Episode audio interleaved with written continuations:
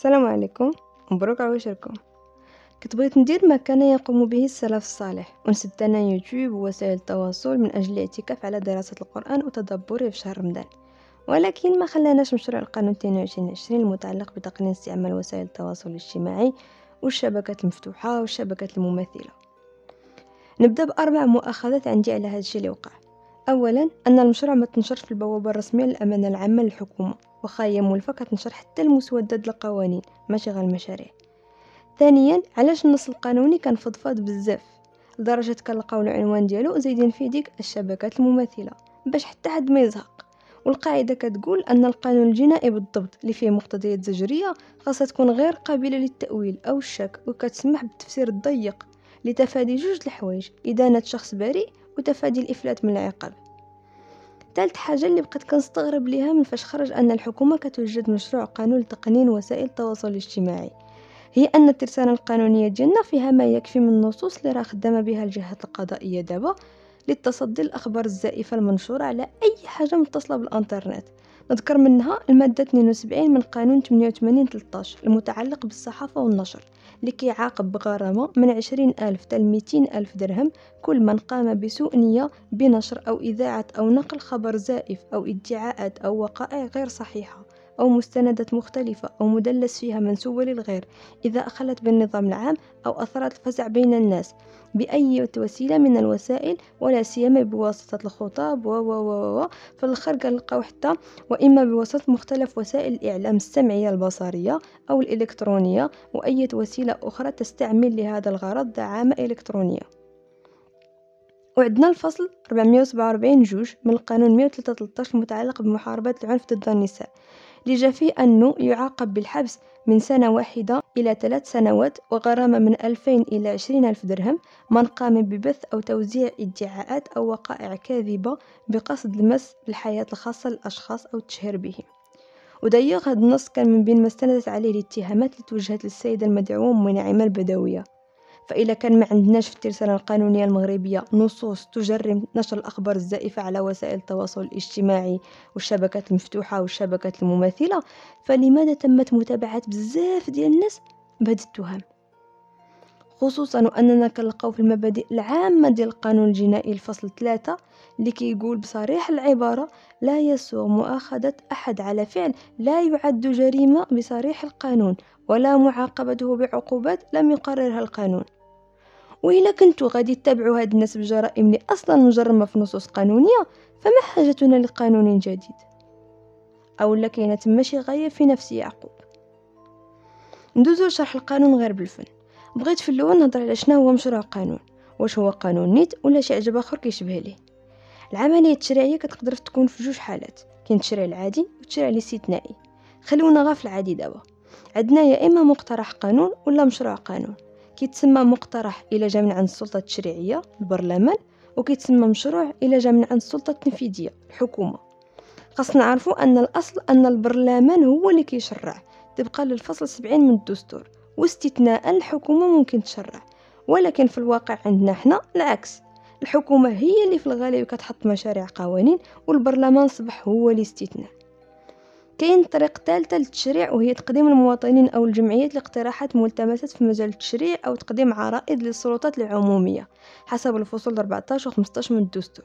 كمثال كنستذكر عرضت إحداث حساب مرصد لأمور خصوصية تحت اسم صندوق مكافحة السرطان اللي كان الوكيل ديالها الدكتور عمر الشرقاوي فاش كان الدواء ديال السرطان تحبس لشهور والناس اللي مريضة ما بقاتش لقات باش تعالج في مراكز الأنكولوجيا هاد النقطة مفهومة.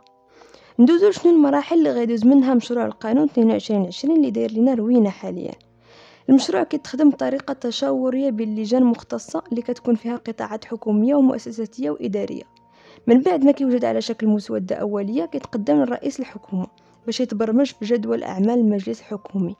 ومن بعد ما كيناقش المجلس الحكومي كيدوز للمجلس الوزاري اللي كيكون رأسه الملك ومعاه رئيس الحكومة والوزراء إلا صدقوا عليه كيدوز للبرلمان. وبالأسبقية لعند مجلس النواب ثم عند مجلس المستشارين. كيبقاو كيتبادلوه ويعدلوه حتى يخرجوا بصيغة وحدة متفقين عليها بزوج ولكن مجلس النواب هو اللي كيكون عنده قوة التصويت النهائي على النص إلا صوت عليه بأغلبية مطلقة ديال الأعضاء ديالو اللي حاضرين.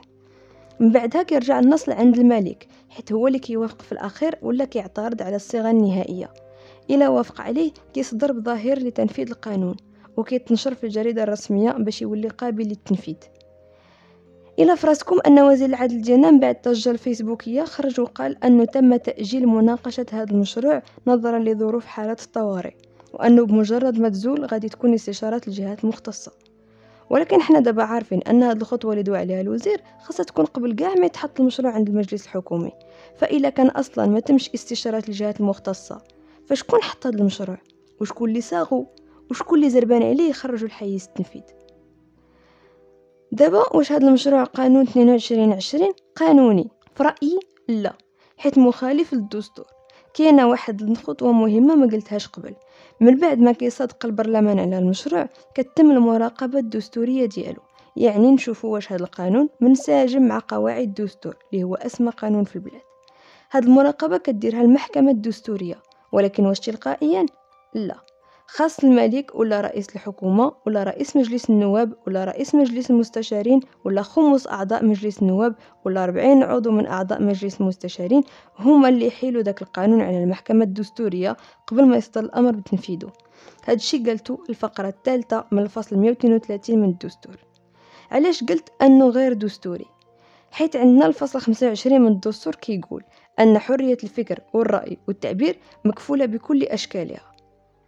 وعندنا الفقرة الثالثة من الفصل 36 من الدستور كتقول يعاقب القانون على الشطط في استغلال مواقع النفوذ والامتياز ووضعيات الاحتكار والهيمنة وباقي الممارسات المخالفة لمبادئ المنافسة الحرة والمشروعة في العلاقات الاقتصادية. ولكن علاش ما خصناش نخافو اولا حيت حنا هو الشعب اللي دار المقاطعة وهذا قانون الكمامة هو أكبر دليل على أننا شعب قوي قدر يأثر في التشريع ديال بلادو. ثانيا حيت كاين وسط الحكومة اللي سرب النص للشعب وهي تقنية كتخدم في دول بحال الولايات المتحدة الأمريكية اللي الشعب كيقرر فيها الكلمة الأخيرة واللي سربوا عارف قوة الرأي العام ديال شعب الفيسبوك. ثالثا وأخيرا حيث الفصل 42 من الدستور كيقول الملك رئيس الدولة وممثلها الاسمى ورمز وحدة الأمة وضامن دوام الدولة واستمرارها والحكم الأسمى بين مؤسساتها. يسهر على احترام الدستور وحسن سير المؤسسات الدستورية وعلى صيانة الاختيار الديمقراطي وحقوق وحريات المواطنين والمواطنات والجماعات وعلى احترام التعهدات الدولية للمملكة.